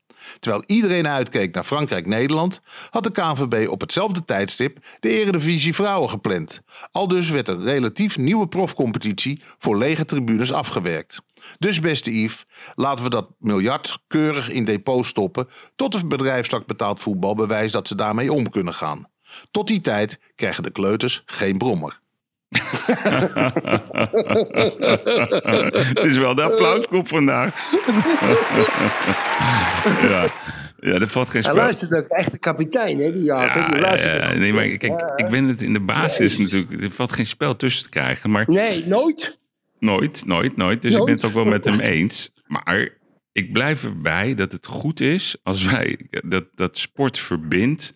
En dat, eh, dat het een verstandig besluit zou zijn als we Nederland indelen in 18 gebieden. En dat er overal een sportcultuur ontstaat waar er heel veel plezier aan gekoppeld kan worden. Weet je? Ja, maar dat is een ander verhaal. dan Nee, maar dat is een gevolg. Nee, maar dat is het. Nee, 50 miljoen per club. Dus dat is het gevolg, Erik. Dat je dus Abramovic niet. Nee, nee, begrijp ik. Nou ja, dat, hey, dat zeg jij. Weet je nog 5,1 miljard, Erik? De bonnetjes die zoek waren. Ja, dat geld is er. Ja. Dus ja, we hebben een goede huismeester nodig. Ja, misschien moet Jaap het doen. Als ik, als ik verantwoordelijk zou zijn, zou ik zeggen: Jaap, jij mag hem doen. Dat zou ik een goede kerel vinden. Dat, eh, die kan dat, weet je. Die, die, die, die. Kijk, en hij heeft gelijk. AZ, Erik, is fenomenaal. Maar dat is Robert Eenhoorn, Max Huibert. Dat zijn, dat zijn abs- dat is de Champions League. Hoe die die club... Dat is zo knap wat ze daar bij dat AZ doen. Dat is toch, ik bedoel, dat is in Alkmaar. Dat is nou niet zo dat ze die achtergrondcultuur hebben van Utrecht, van Ajax, van Feyenoord, van PSV, zelfs Groningen. Dat is Mhm. zo knap wat daar is neergezet. Dat is wel Zeker. de benchmark hoe je een club moet leiden. En ja, we hebben een goede huismeester eh, nodig. Ja, dat klopt allemaal. Ja, wat je zegt, ja, maar ik sta er nog steeds achter. Waarvan akte? Zondag, dames en heren. Vlaanderen is mooiste. Vlaanderen's mooiste. Zondag is de dag. Zondag is de dag waarop een held wordt geboren. Zondag is de dag van de aller, aller, allermooiste wielerkoers. Om negen uur s ochtends op de Belg, op tv, beginnen de voorbeschouwingen en de reportages al. Dames en heren, we gaan zondag om zeven uur voor de televisie zitten. Ik ga vroeg naar bed op zaterdagavond. Dan gaat Max Verstappen de grote prijs in Australië winnen. Daarop volgend gaan we naar de Belg, de voorbeschouwingen kijken. En dan begint het, dames en heren, de Ronde van Vlaanderen. Dat is Vlaanderen's mooiste. Ja. Dat wordt de strijd der mastodonten. Wout van Aert tegen Mathieu van der Poel. En de link Michel Pogacar op het vizier. En Laporte, zal die nog mee gaan doen? Komt er nog misschien een onbekende die de aanval gaat Oh. inzetten? En dan gaan ze over de kasseien. Oh. Ik kom klaar, Yves, ik kom klaar. Ik kom, ik kom sorry dames, ik ben klaargekomen, verdomme. Ik heb allemaal... Claudia, can I have a napkin? Eh, eh, Claudia, my hands. Ik came about... oh, het is zo genieten wordt dat. Ik weet niet of ik het de mooiste koers vind, Erik. Nou, ik, dat ben ik, Ik met je vind eens. Parijs-Roubaix, Ja, dat ben ik, ben ik wel met als je het eens. regent, oh. Ja, ja, op de kasseien. Maar, maar, maar voor de Belgen, Ja, het is met, met die. Belgische cultuur, En al die dat tenten. Oh ja, ja, ja, het is geweldig. Ja, zondag zijn, zijn wij niet bereikbaar. Hey, en, en, en wat denk je van, van Femke?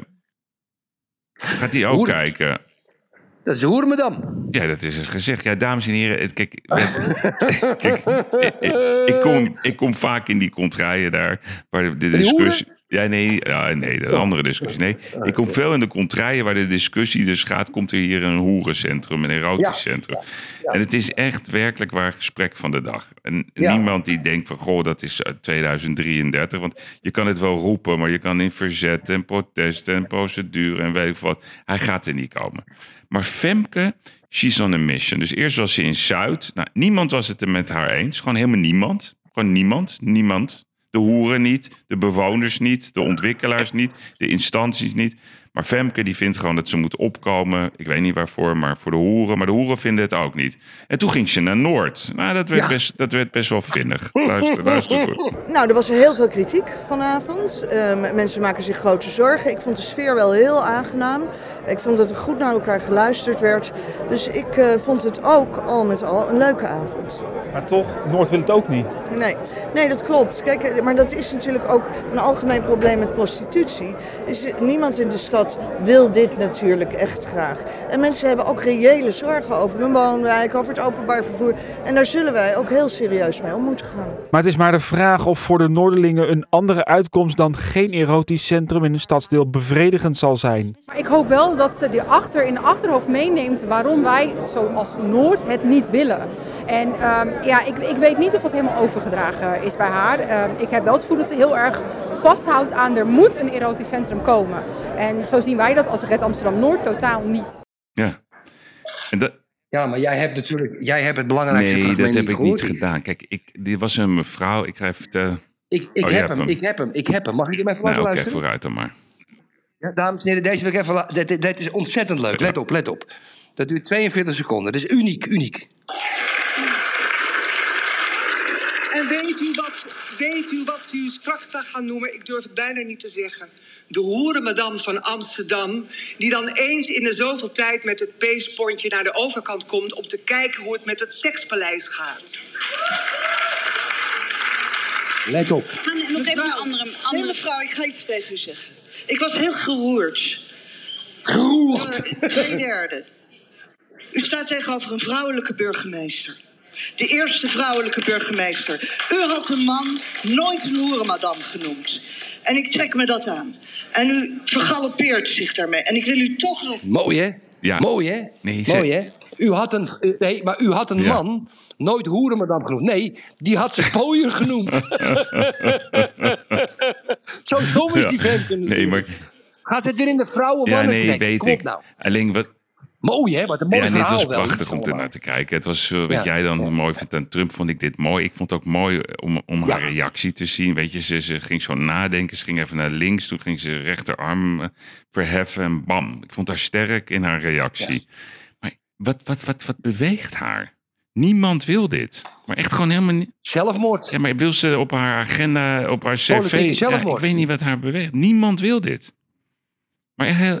Ja, ik denk, denk, ik, ik denk dat ze op, ja, maar ik denk dat ze toch op haar, op haar ehm, cv, uiteindelijk een cv in Amsterdam wil hebben, dat ze de wallen eh, helemaal hoerenvrij hebben heeft Ja, gemaakt. maar er is, kijk, er is in de basis een hele simpele oplossing. Stel nou voor hè, dat je zegt, oké, ik wil toch dat hoerenpaleis. Nou, stel nou voor dat dat moet. Ik, niemand wil het, maar ik ga toch even voor haar filosofie. Er is maar één ding wat ze moet doen. Ze moet een groot oud cruiseschip eh, eh, zien te vinden. Dat ga je heel mooi verbouwen. En dat leg je ergens midden op het water. En dan kunnen ze met bootjes vanaf het Centraal Station daar naartoe, als ze dat allemaal heel spannend vinden. Nee, dat doe je niet, Yves. Die boot moet aan de kade liggen. Leg Nou, hem lekker in de ja, of ergens gewoon op een, op een gebied, weet je, waar toch geen mensen komen, wat onontwikkeld is. Bij- bij- Bij de Telegraaf daar, bij, die, Ja, bij bij. Sloterdijk daar helemaal achter. Ja. Het, het- niemand wil, maar ook hier weer geen idee. En ze weten ook, dat ding, mocht dat er komen, mocht ze zeggen, ja, dat gaat gebeuren, dat komt er, het komt er niet. Ik durf daar echt, echt zo, daar durf, daar durf ik nou echt, echt veel op in te zetten. Het gaat er niet komen. Het is weer afleiding. Ga gewoon, gewoon je, ga je werk doen, joh. Zorg nou gewoon dat in die stad, want Amsterdam is echt te druk, hè, Erik? Het is gewoon te druk. Ja, nou, Zet nou gewoon, Het kan niet meer. Het kan maar niet doe meer. gewoon een poortje dat je 20 euro eh, moet betalen als je daar wil eh, rondlopen. Ja, benader het als de Efteling. Nee, maar serieus. Ja. Nee, maar Ja. eh, doe dan een drempel en zorg dat die inkomsten naar de hoeren gaan. Dan wordt het sowieso rustiger. En, en ga Naar de gewoon een hoeren keer... gaan, hoeren? Naar de hoeren, ja. Naar de hoeren gaan? Ja. Nee, Naar de dat hoeren, geld. zeg je. Niet de boeren. Naar de hoeren. Oh, nee, nee, naar de hoeren. Nee, maar Ja. ik, ik snap haar niet. Wat, wat, wat, wat- waarom, en de tijd wat dit weer kost, Erik. En een woede waar, waar het hier toe leidt. Er zijn zoveel andere dingen die ze moet oplossen. Ga gewoon uh, drugsdealers maar- oppakken. Ja, daar be- begin daar eens een keertje mee. Maar Yves, ik ben nog steeds dat idee, hè. Kijk, als het er toch komt, hè, wat jij zegt, het komt niet. Maar als het er toch komt, hè, kijk. Ja, nee, maar echt waar, Yves. Dat, dat is een paar, in een paar podcasts geleden. Toen kwam jij met het idee dat wij die hoeren g- gingen adviseren. Ja. Hoe ze het commercieel aan moesten pakken. Met die menukaart, Mhm. Ja, weet je nog? Weet je, dat we gewoon, dat, dat ze ons eh, in dienst nemen. Vooral, vooral, vooral jou, met je, met je beurservaring, met je, met je ervaring om iets naar een drie hogere standaard te tillen. Dat kan jij, dat is jouw Mhm. talent. Dat zie je ook op jouw beurs, hoe je dat doet. Met hele simpele dingen die heel gecompliceerder lijken, maar die dat eigenlijk uiteindelijk niet zijn. Hè? Goed voetbal spelen is simpel voetballen Mhm. vaak. En, en dat idee van jou om dan met de vertegenwoordigers van de hoeren te praten en het zodanig te organiseren met hen. Dat we dat een heel mooi hoog pijl doen met een, met een menukaart. Weet je wel, met een soort prachtige prijslijst. Dat ze elkaar niet de tent uitweg. Ja, bij mij kan je voor 20 euro pijpen. Ja, nee. Nee, nee, je hebt allemaal combinaties. eh, weet ik wat. Dat is zo'n goed idee, Yves. Dat zou ik zo graag willen En doen. zou jij het dan ook leuk vinden? Kijk, bijvoorbeeld als je naar een restaurant gaat, hè, dan heb je bijvoorbeeld eh seksbom of zo met zo'n drankje. Of weet je, sex on the beach. Allemaal van die termen. En dan zou ik, ik zou dan ook allemaal van die hele leuke namen willen gaan bedenken. Fantastisch, Yves. En, en op je iPad, dan zit je in een restaurant, ja, bijvoorbeeld, of je zit, of je zit Mhm. thuis. En dan, als dan zo'n zo'n meid, eh, die gaat het kamertje in, ja, en die, hup, ze, die maakt even via een soort, soort apparaat, een, een camera met een iPhone. En dan zet ze zichzelf op die website. En dan kan je dus thuis zitten. En dan kan je dus gaan kijken welke meiden er zitten. En zeg je, "Oh, je een prachtige meid. Nou, hoe laat is het nu? Tien over negen. Ja, goed, ik wil graag om eh, tien voor tien langskomen. Bang, kan je reserveren. Prachtig Mhm. Ja, reserveringssysteem. zo'n een en mooie ook app ook erbij. En dan, eh, maar bijvoorbeeld, Een maar een app ander erbij, woord joh. voor pijpen. Want dat, is geen, dat vind ik geen woord, weet je. Dus, Ja, oké, oké, dus, dus, oké, oké. Afzuigen? Asian Delight, weet je. Dus dat je dan eh, Ja, dat soort woorden. Asian? Waarom Asian? Nee, Waarom dan, dan Asian? kan je dus voor de, Aziatische vrouwen kiezen. Maar dan Asian Delight. Ja, dus ja. Delight is licht. Dus dat is niet het hele Mhm. pakket. Snap je? Allemaal van Ja, die hele mooie termen ook. Dat geeft een hele mooie eh, lading ook aan dat vak. Dan wordt het een beetje Louis Vuitton-achtig. Snap je? Ja. Ja, ik kan ze ook wat meer vragen. Dan kunnen ze ook wat Goed, meer zeg. vragen. Weet je, dan maak je het ook chic. Van Leeuwenbuizen. Van Leeuwenbuizen. Dat is pijn. Van Leeuwenbuizen. Van Leeuwenbuizen, Rotterdam. Van Leeuwenbuizen. Oh, dat is pijpen. ik weet niet of we deze route moeten gaan bewandelen. Maar Nee, maakt verder niks uit. Zullen we over een eh, serieus onderwerp even gaan... waar we ons allebei toch wel een beetje zorgen over maken, dames en heren. Dat is toch een beetje link. Die artificial intelligence, die gaat het helemaal over. En er zijn een aantal experts, duizend experts zelfs... onder wie onze grote vriend eh, Ja. Elon Musk... oprichter van eh, Apple. Nee, En de oprichter van en- Apple, ja. En, en, en, en nog eentje, er was nog zo'n gigant. Het waren er drie. Eh, eh, geen idee. Het was Musk, het was de oprichter van Apple en nog eentje. Ik ben even vergeten. hoogleraar Frits Vaandrager. Nee, die zegt het in Nederland, maar ook, ook zo'n Amerikaanse gigant. Oké, nou, Die is zijn dus gewoon zo geschrokken dat van wat het allemaal kan. Omdat juist, kijk, we hebben het al vaker over gehad, over de ChatGPT. Kijk, de, de intelligentie. Ja, die, die, de intelligentie van, van, van, van, van die computers, van die chatbox. Dat wordt allemaal zo krachtig. dat mensen er bang voor gaan worden. Want nu zijn criminelen. Ja, ook alweer bezig. die geen menselijke en, en, en, en, en, en, en artificial intelligence. van elkaar kunnen onderscheiden. Dus, dus, dus dat wereldwijde alarm, wat ook mannen zoals Elon Musk in de groep gooien, daar moeten we toch met z'n allen een beetje over na gaan denken. Want het gaat een beetje uit de hand lopen. Ja, ik had zelfs een, eh, een bericht van CNN. Die zeggen dat eh 300 miljoen fulltime jobs around the world could be automated in some way by the newest wave of artificial intelligence that has spawned platforms like ChatGPT, according to the economist of Goldman Sachs. Dus ze zeggen dat het 300 miljoen banen kan afpakken. Ja, ik de- Is dat erg? nou ja, dat is de vraag. Dat is de vraag. Kijk, ik denk dat ze zelf wel een beetje geschrokken zijn van hoe slim die computers zijn en wat het allemaal kan. Ik heb ook al vorige, keer, vorige week gezegd dat ik het een feest vind, dat ChatGPT. Dat is niet normaal. Je- Ja, ik niet. Ja, ik vind het geweldig, Erik. Het is niet normaal. Als, je, als jij dus een, een brief wil sturen naar de gemeente. Ja, dat Ja, weet ik. bam. Maar ik heb een andere reden. Ik heb een andere reden. Want kijk, die technologiebedrijven, weet je, Google, Facebook, ja, die gaan het allemaal koppelen. Ja, die die gaan het allemaal koppelen. Ja, nee, die, ja, dat zal allemaal wel. Maar die zijn nu alweer in een gevecht ontwikkeld om de beste positie Ja, te krijgen.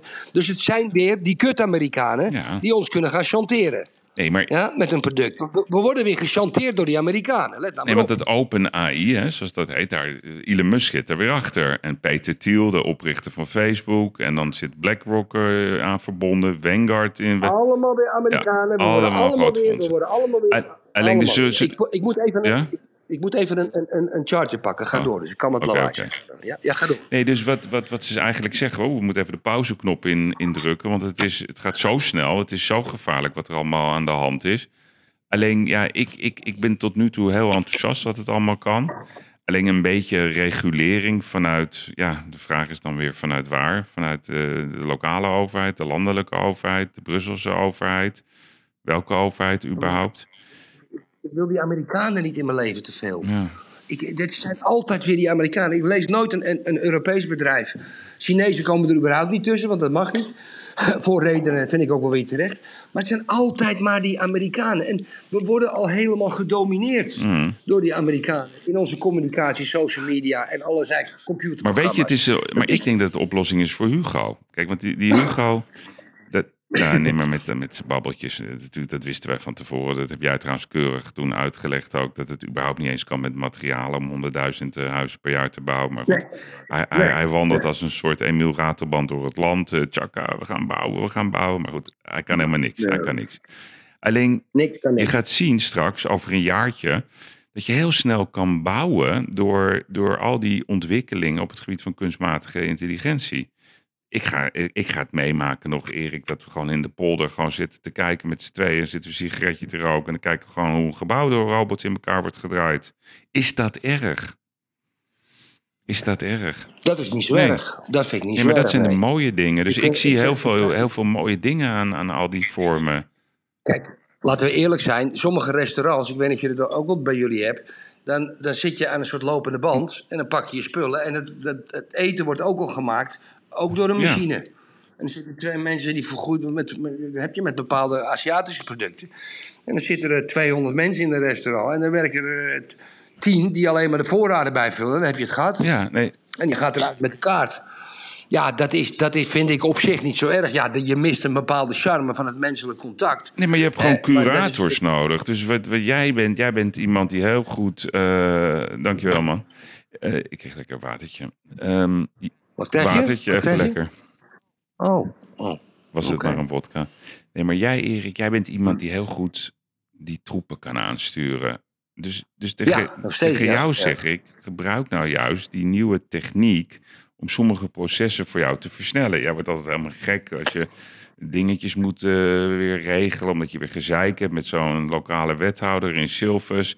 En straks zeg je tegen ChatGTP, hoe noem je die dan? Custodia, hoe, hoe noem je hem? Wat is de naam die je geeft aan, aan, aan jouw chat? Eh, Wolfgang. Wolfgang. Dan zeg jij, Wolfgang, Ja. write a letter to the mayor of Silvers that we are very unhappy with the procedure and explain him why we are unhappy and what the past has done with regulations Mm. like this. Write an angry letter. Nou, dan krijg je binnen een minuut die letter en dan druk je op een knopje. Ja, maar wat heb ik nou aan die brief? Ik, ben- ik pak gewoon de telefoon en dan zeg ik Ja, dat tegen zo werkt Kan het. dat? Nee, maar je moet het ook onderbouwen. Dossiervorming, vriend.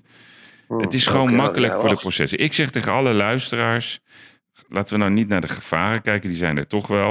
Maar kijk vooral naar de kansen. Je kan echt daar ongelooflijk veel voordeel uit behalen. Ook als ondernemer. Maar je moet er wel in verdiepen en je moet je eigen route bepalen. Oké, nou, dan heb ik nu nog een geheim voor je, Yves. Jaap van Dissel komt naar Ik wil- Portugal.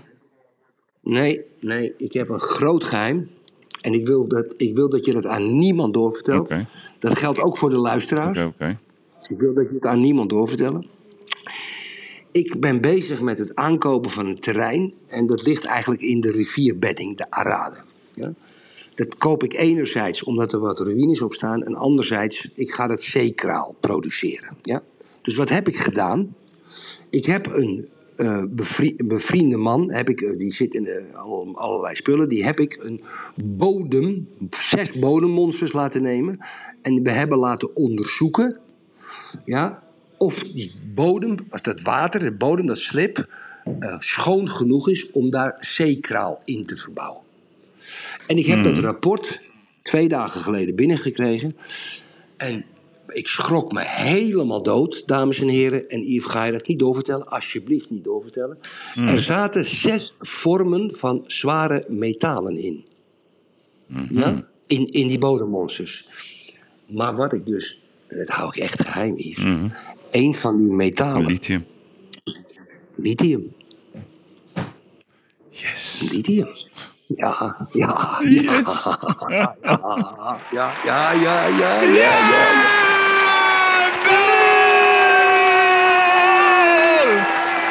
We got him! We got him! Lekker man.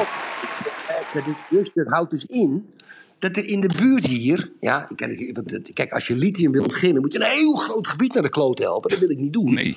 Maar, nee, dat wil ik niet. Dat vind ik niet leuk. Dat wil ik, zo wil ik dat niet achterlaten. Maar, het gaat om het feit dat ik iets op het spoor ben. Ja.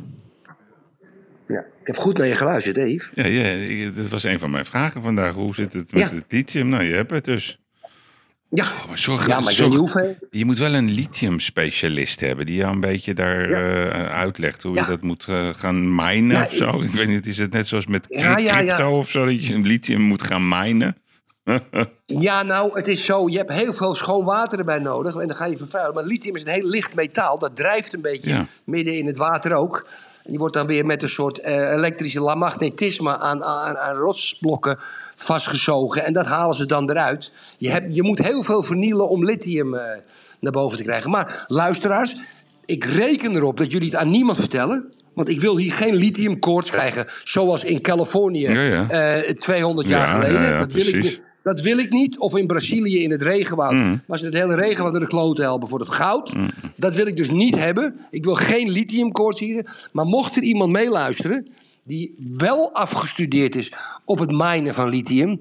dan houden Geirat en ik ons aanbevolen. Want ik moet gelijk ook annonceren dat dit natuurlijk een partnership is. Nog te nader onderhandelen over de percentages. Mm. Ja? Hè, maar ik ga het één keer zeggen tegen Yves. Nee, ik ga niet onderhandelen met Yves. Ik onder, ja, Yves onderhandelt ook nooit met mij, dus ik doe precies hetzelfde. Dat doe ik via een mededeling. Maar ik moet wel een lithium mining expert hebben. Ja, oké, waarvan akte. Goed, hey, waarvan akte. Even, Jaap van Dissel gaat met pensioen. Ja, eh, ik zou zeggen, ik hoop dat hij van zijn geld geniet. Is gemeen, hè? Die is Oh, gemeen. Nee, maar hij moet lekker naar Portugal komen, Erik. Eh, ik ben benieuwd wat Aureus hem zal adviseren. Ja, ik ook. Ik ook. Ik ook. Ja, maar, maar laten we nou niet te veel zeggen. Straks krijgen we een proces van de Oh, landsadvocaat. nee, ja, ja, maar we we zeggen het En- heel en- aardig. en gaat ze hebben gewoon gezegd, ja, Rudy Bouwman gaat onderzoeken wat... eh, Rudy Buijma gaat onderzoeken, ja. En, en Erik Smit gaat erover schrijven. Ja, ja, nee, maar goed, hij gaat met pensioen. Nou, eh, dat is Ja, een eh, interessant, vreemd, ja, opmerkelijk. Ja, ja. Opeens. Ja, we moeten hem goed volgen, Yves, laat ik het zo Ja, zeggen. hey, en de Jumbo, En? eh, die, die stopt ermee, Ja, denk ik. dat is toch wel jammer, hè. Ja. Dat is Jumbo, dames wil en heren. Jumbo even- gaat... Ja, ik wil toch met jou over hebben. Ik, kijk, de- is een goede sportmarketeer. Ik heb die man hoog zitten. Ik denk Jaap ook. Bob Osterhout. Die geeft even een analyse. Wil ik je even laten horen. Ik eh, eh, denk toch wel dat dit eh, de opmaat is naar het stoppen met de sponsoring. Want op het moment dat je een, een contract hebt voor onbepaalde tijd, hè, dat werd een paar jaar geleden geloof ik nog met veel tamtam eh, kenbaar gemaakt. Ja, dan is normaliter een heroverweging niet echt nodig. Nee, dus jij concludeert daaruit, dit moet haast wel einde oefening betekenen. Ja, het kan bijna niet anders of dit is een, eh, eh, een, een, een, een, een nette stap naar een softe landing van een harde boodschap. Volgens Bob van Oosterhout zijn er een paar redenen waarom Jumbo zich als sportsponsor terugtrekt. Vorig jaar overleed de grondlegger van het bedrijf, Karel van Eert. Een man die zeer betrokken was bij de schaats- en wielersport. En in datzelfde jaar wordt zoon Frits van Eert, een man met veel interesse voor de auto en de motorsport, verdachte in een Tel daar dan vervolgens nog bij op dat eh, de cijfers van Jumbo, het marktaandeel staat een beetje onder druk. Eh, het gaat niet eh, per definitie fantastisch op dit moment. En ja, de optelsom eh, daarvan maakt dat de huidige beleidsbepalers om tafel gaan zitten en zeggen van ja, willen wij dit dus nog wel op deze manier? Ja, ik vind het toch wel... Kijk, wat- ik ga je een vraag stellen, Erik. Want even voor, voor wie het niet weet. Maar Jumbo is echt belangrijk in Nederland. Voor de schaatsport, voor de wielersport. Ook voor de motorsport. Zij steunden zoveel sporten waar heel veel bedrijven zich hebben teruggetrokken. En zij zorgen ervoor dat jonge mensen met grote ambities toch hun dromen kunnen najagen. Want je hebt nou eenmaal wel bepaalde inkomsten nodig. Nou, Jumbo heeft daar ook zijn voordeel uitgehaald. Ik denk dat, eh, ik, ik, ik ken natuurlijk ook best wel wat mensen bij de Jumbo, dat ze zijn zo geschrokken van de commotie rond eh, om Frits, hè, wat er allemaal is gebeurd en ook wat dat betekent voor het merk Jumbo, dat ze zoiets Mhm. hebben, laten we low profile gaan. We gaan toch ons op een andere manier positioneren. We gaan een beetje van het toneel af.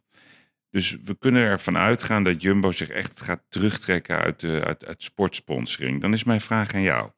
De Belastingdienst, die met zoveel geweld en met zoveel lawaai, met alles en iedereen, Frits van Eert heeft opgepakt. We moeten nog steeds horen wat er nou precies is gepasseerd.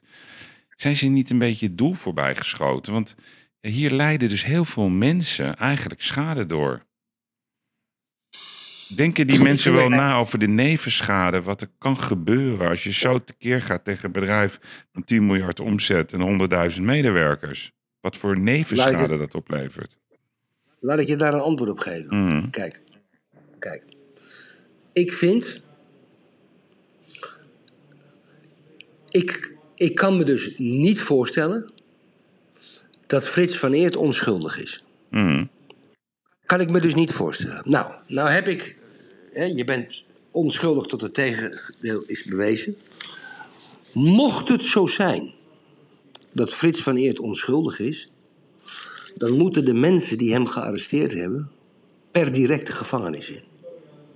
Maar per direct. Of, en dan zeg ik het alternatief, moet het luikje geopend worden en dan moeten ze helemaal de tyfus geslagen worden. En dat meen ik serieus. Want als het zo is dat de Belastingdienst echt het risico heeft genomen met een twijfelachtige aanklacht. Hè? Want als je een man met zo'n statuur arresteert. en de wet is voor iedereen hetzelfde. Laat dat duidelijk zijn. Maar inderdaad, Yves, in jouw vraagstelling zeg je terecht. De nevenschade kan zo groot zijn dat je je even twee keer moet nadenken. Ja, dat, je, dat je iemand gaat arresteren. Toen ik onder druk gezet word en toen Harm Prins werd gearresteerd. Het einde van de rit, kan ik je zo voorrekenen, hebben 500 mensen hun baan verloren. En ik werd onschuldig bevonden. Ik ga niet dat hele kutriedeltje weer afdraaien, maar je snapt wat ik bedoel. Maar mocht Frits van Eert onschuldig weglopen, of met een taakstrafje, of met een taakstrafje, hè? Ja, ja. Ja, ja, dan moeten er echt grove maatregelen genomen worden. Tegen de mensen die dat hebben aangedaan aan dit bedrijf. Grove, hele grove maatregelen. Luikje, hè? Luikje. Nee, luikje. oké. Ik denk, dat- ik denk dat, dat, dat, hij, dat hij fout heeft gemaakt. Dat kan, dat kan echt niet anders. Dat ja. Kan niet anders. Maar laten we nou die fouten even wegen. Dus die man heeft, die heeft daar, daar moeten we gewoon van uitgaan. Die heeft domme dingen gedaan. Maar nu gaat het even om de substantie van wat die domme dingen zijn. Wie is dan de eindbaas in Nederland die zegt, zet het door? Want die, diegene die dat beslist, die, die weet namelijk wel wat al die nevenconsequenties zijn. Ik bedoel, daar heeft hij voor De gestudeerd. hoofdofficier. De hoofdofficier van dat arrondissement. Ik denk niet dat hij op ministerieel niveau gaat. Ik dat- denk niet dat dat, vraag ik denk niet, ik denk niet dat, ze, dat ze Dylan Jezilkus dat gaan vragen. Eh, mochten ze dat wel vragen. Ehm, Maar de, de Fiat valt toch onder financiën? de Fiat valt. Nee, de, nee, nee, de Fiat valt onder justitie. Onder justitie, oké. Maar Ja. dat wist ik niet eens. Belastingen. De belastingen valt onder financiën. Oh, Fiat is justitie. Ja, volgens mij wel. Ja, ja, ja, ja volgens mij wel, Yves. Dat, is, dat zit anders. En, en ehm, ja, dus, dus Dylan Jesilkus, ja, jij wilde al naar K gaan lopen. Dames en Je hebt me ik, heb, ik heb een beetje van... In mijn alle onwetendheid en onschuldigheid heb ik... Wacht even, ik ga het even ik denk googlen. niet dat Dylan... Ik denk niet dat de En wel, minister de Fiat is onderdeel van de Belastingdienst en de opsporingsdienst van het ministerie van Financiën. Je dat nou? Ja. Ja, maar hoe kunnen de Fiat dan iemand arresteren? Dan moet je toch, dit is toch justitie? Hoe zit dat nou? Ja, goed ja. Het valt onder het ministerie van Financiën. Ik Dus- vind, dat we ik vind dat wij, wij, dacht, wij dachten altijd de alleskenners te zijn. Maar nee, dat zijn we dus ik ga niet. nu een beetje af voor de luisteraars, Yves. Ja. Ik, dacht dat Fiat, Fiat gewoon... Ja, maar, ja Fiat... Fiat, is, ja, maar Fiat heeft toch justitiële bevoegdheden? Die kunnen toch bij je binnenvallen? Dat is toch justitieel? Het ministerie van Financiën kan toch niet zomaar bij je binnenvallen? Dat komt toch uit naam van de koning? Word je gearresteerd door de die gasten van de Fiat? Ik ben ervan overtuigd dat we een luisteraar hebben... Ja. die ons een mail gaat sturen hoe dit procesmatig werkt. Wordt vervolgd. Ja, dames en heren, en wij gaan die mail laten voorlezen. Dus Ja. maak hem niet te lang, maak hem zo compact mogelijk. Die gaan we in de volgende uitzending gaan we die voorlezen. Iemand die dat weet en niet met een Wikipedia-verhaal komen. Nee, niet met En Wikipedia. En er moet ook nog een grap aan zitten. Ook een En- grap. En, de brief moet zeker, als het voorgelezen wordt, een concurrent zijn voor de verrekijker. Ja, ja, precies. En, en dan gaan we u eren, of eh, wie u ook bent. Ja, even, Ja. hoe werkt dit nou? Dus in welk kamertje zeggen ze, ja, doe dat maar. Ja. Ga maar binnenvallen bij die van Eert. Ja, dat is namelijk best wel een grote beslissing, omdat dat... Goh! ja, honderdduizend mensen beïnvloedt. Het beïnvloedt de keten, het beïnvloedt de leveranciers, het beïnvloedt dus ook die sportmensen. Het is nogal wat wat je besluit. Ja. Dus je kan ook gewoon denken, joh, eh, we nodigen Frits even uit en we gaan hem helemaal de tyfus uitschelden. En we gaan zo zeggen, joh, je moet gewoon 25 miljoen betalen. Ja. Ja, maar, ja, maar nee, de, wet maar moet wel voor iedereen, de wet moet wel voor iedereen hetzelfde zijn. Maar als het een kutstrafje wordt of zo, of een boetetje van vier ruggen... ja, dan is het heel schandalig wat ze gedaan hebben. Ja, maar dat is dus wel, jij zegt dat, hè, de wet moet, kijk, dus dat is dat hele verhaal van regels. Hè? Ik heb dus een brief gekregen vandaag, Erik, van Alweer? het, eh, ja, ja, een positieve brief. Ik ga even kijken, ministerie Arbeidsinspectie. Dat Heb je dat ook? Ja, ja, ja. Dat, hebben we, we hebben, dat- dat heeft natuurlijk dat heeft twee jaar geduurd of zo, dat hele onderzoek. En we hebben een groen vinkje, Erik. Dus ze Nou. kwamen voor de, ja, het kwamen voor de Ik heb, ik, eindcontrole. heb, ik heb mijn lithium en jij hebt je groene vinkje. Nou, Ja, herinspectie vond plaats in het kader van het project Regio-team Noordwest Herinspectie. U werd bezocht aangezien in uw bedrijf in het recente verleven, eh, verleden eerder één of meerdere overtredingen in het kader van de arbeidsomstandighedenwet werden geconstateerd door herinspecties te verrichten, wil de Nederlandse arbeidsinspectie de structurele naleving van wet en regelgeving bevorderen. ChatGPT geschreven. ChatGPT. Ja, op 2 april 2021 was met betrekking tot de ventilatie een overtreding geconstateerd. U heeft in verband hiermee een waarschuwing gekregen onder kenmerk 2104 bla bla bla. Hierna heeft u op 26 augustus 2021 in verband hiermee een boete gekregen onder kenmerk. Tijdens de herinspectie heb ik met betrekking tot dit onderwerp op de geïnspecteerde punten geen overtreding geconstateerd. Joepie! Wij zagen dat er een ventilatiesysteem geïnstalleerd was. Maar deze brief is geen beschikking in de zin van artikel 1.3 tweede lid van de Algemene Wet van het Bestuursrecht. Dat betekent dat u geen bezwaar kunt indienen tegen wat er in deze brief staat over de hier voorgenoemde overtreding. Meer informatie over taken en werkwijze van de Nederlandse arbeidsinspectie kunt u vinden op nlarbeidsinspectie.nl. Nou, dat gaat zo door, Erik. Maar het komt er dus op neer dat we een vinkje hebben gekregen, want we doen het nu goed. Ja, daar zijn ze twee jaar mee bezig geweest, Erik. Ja, maar zeg maar niks, want er komt er straks weer eentje binnen. Want ze, Nee, maar- ze lijken me nogal raakgevoelig. Nee, maar dat weet ik dus niet. Dus, dus dit- is nou dat regels.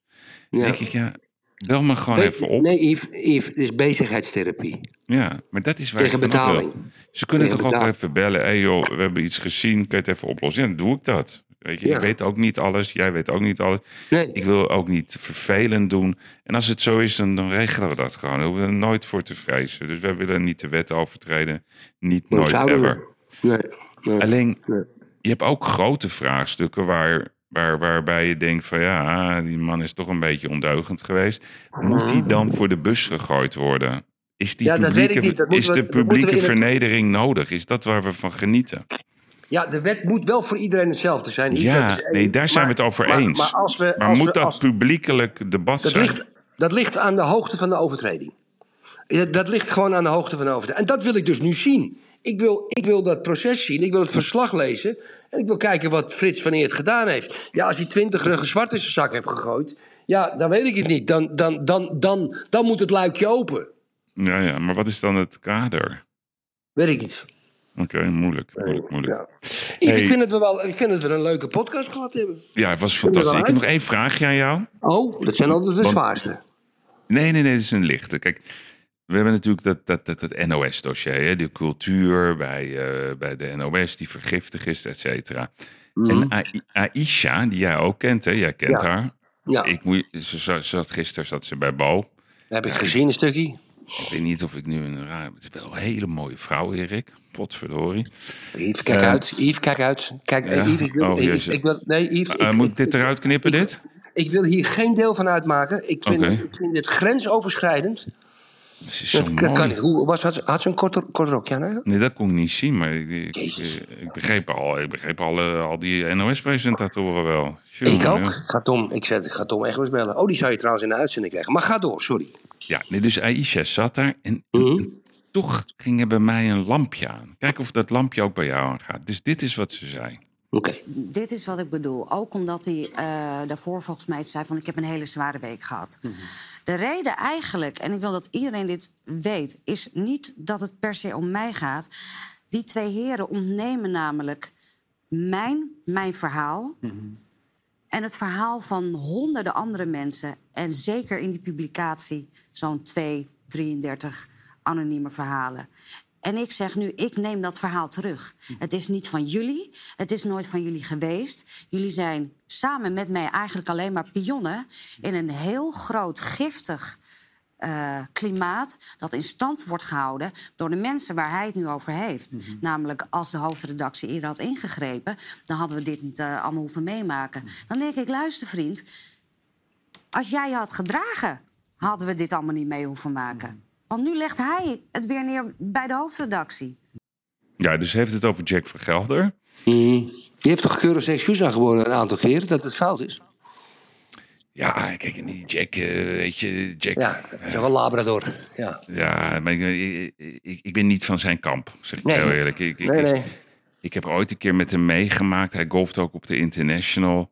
En uh, nou ja, ik, ik ga het niet eens vertellen. Ik hou me Nee. lekker even privé, dat Ja. verhaal. Ja, ja. Maar ik vind het een lullo. Ja. Vind, ja. dat vind ik niet van Tom Egbers trouwens. Dat vind, Nee. ik, een, ja, vind ik een leuke man. eh, maar ja, goed, dat is een lief, liefhebber in het kwadraat. Hmm. Eh, dat is geen beest. eh, in de, in- dat is geen vernederaar. Maar ja, die, kan- die, die kan gewoon zijn ogen niet in, zijn- in zijn broekzak houden. Dat is gewoon een feit. Nee, gelukkig ik Maar wel. wat ik een beetje, weet je ik een beetje had bij Aisha? Mhm. Een soort halve Jelle Brand Corsius. Oeh, goeie van je. Ja. Mhm. Ja, ja, je hebt die knop drukken voor aandacht om weer in, in de picture te komen. Toch mag, vind ik dat we dat niet mogen zeggen. Nee, dat vind ik ook. Maar, maar toch wil ik het We gewoon het open. Ja, Ja. we weten het niet. Ja, nee, maar je kan met goed fatsoen niet meer je lul uit je broek halen in het bedrijf, hè? Dat kan niet meer. Nee, dat kan niet meer. Nee, dat kan niet meer. Nee. dat kan niet meer, Erik. Als, je ik- als, ik zo naar die, als ik zo naar die Aisha luister. Ja. Nee, dat maar moet ik nou een klacht indienen? Moet ik nou een klacht indienen tegen Sylvana? Een auto die open gaan, dat ze de hand op de binnenkant van mijn Ja, dat bovenbeen zeg jij. Ja, dat, dat blijf je. Hoe lang geleden was dat? 15 jaar geleden. Oké, dat kan. Dit was ook 15 jaar geleden. Ja. Maar was het de rechterhand of de linkerhand? Het was, ze zat met de, met de voorkant naar me. Ik zat, ik zat gewoon een beetje rechts op tafel. Zij had de stoel helemaal naar links gedraaid. En toen had ze heel vreemd haar rechterhand. Ging er eventjes zo van een tik, tik, zo'n tikkie op de binnenkant van mijn. Maar echt op te veel binnenkant. Snap je wat ik bedoel? Maar boven de knie? Ja, op, ver boven de knie, Yves. Het was, bijna En- knock, het was echt bijna knock, knock, who's there? Hmm, ik zou Maud Efting bellen van de Volkskrant. Denk je dat? Je kan in ieder geval eh, met haar erover gaan hebben. Mhm. Oké. Ik ben trouwens benieuwd wanneer komt de eerste omgekeerde man die zegt van ja, ik word toch wel erg veel lastig gevallen door vrouwen. Tja, Mhm. ja, die zijn Nee, er hoor. ook. Die zijn er ook. Ja, ik heb het wel eens met mijn lerares. Nee, laat maar zitten. Ja. Ehm, nee, we begrijpen ons niet op dames en heren. Maar ik goed, heb- in ieder geval, ik, ik, ik, ik, ik, ik hoop dat we eens een keertje ophouden met die jacht op al die mensen. Ja. Los het gewoon op. Zorg, Ja. dat, zorg dat mensen zich veilig voelen. En dat geldt ook voor, voor al die productiehuizen van The Voice. Het is toch niet te geloven, Erik, die Jeroen van Rietbergen... die daar als een soort uh, roofdier Ja. rond blijven wandelen. Ja, dat is ook niet leuk. Viesbuik. Is ook niet leuk.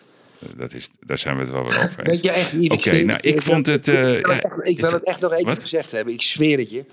Kijk, in mijn hoogtijdagen in het vastgoed in de negentiger jaren.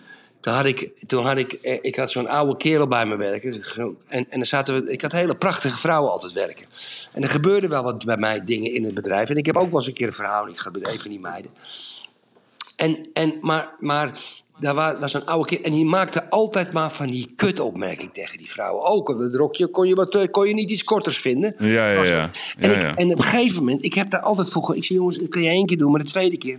En toen deed hij het de derde keer, heb ik hem in mijn kantoor geroepen. Ik zeg, als je het nog één keer doet, schop ik je eruit. Nu is het afgelopen. Het is trouwens nooit meer goed gekomen tussen die kerel en Ja. ja, maar dat is, ik, ik vind dat zo vernederend om dat tegen een jonge vrouw te doen als man. Je bent eigenlijk geen man. Nee, maar dat vind ik ook. Je bent een lul. Je bent, Je gewoon bent een lul. Je Dat bent vinden we ook. lul. Ja? Ja. Ja, precies. Oké. Zo is het genoeg. Ik zou zeggen, lieve mensen, geniet van het weekend. Het wordt eindelijk weer normaal weer vanaf maandag in Nederland. En het gaat, een hele, het gaat twee weken duren minimaal. Daar hebben we grote behoefte aan. En Erik en ik hebben echt een advies voor jullie. Ook voor de niet-liefhebbers, ook voor de mensen die niet weten wat het is. Ga kijken deze zondag naar Vlaanderen's mooiste. Yes, kies dan voor.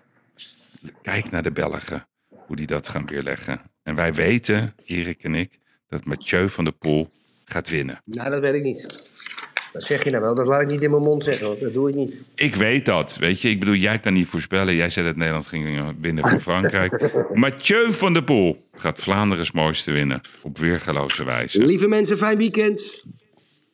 Dank u wel voor Dag, het Yves. luisteren. Tot maandag. Dag Erik. Bye bye.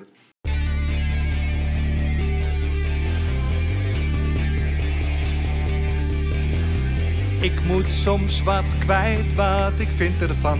Littekens en jeuk, die koester ik maar dan.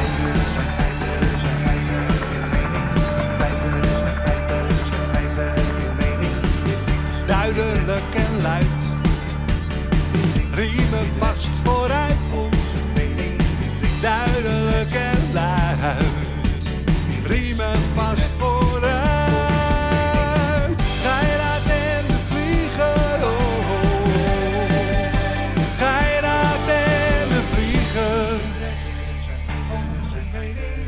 Moet soms wat kwijt.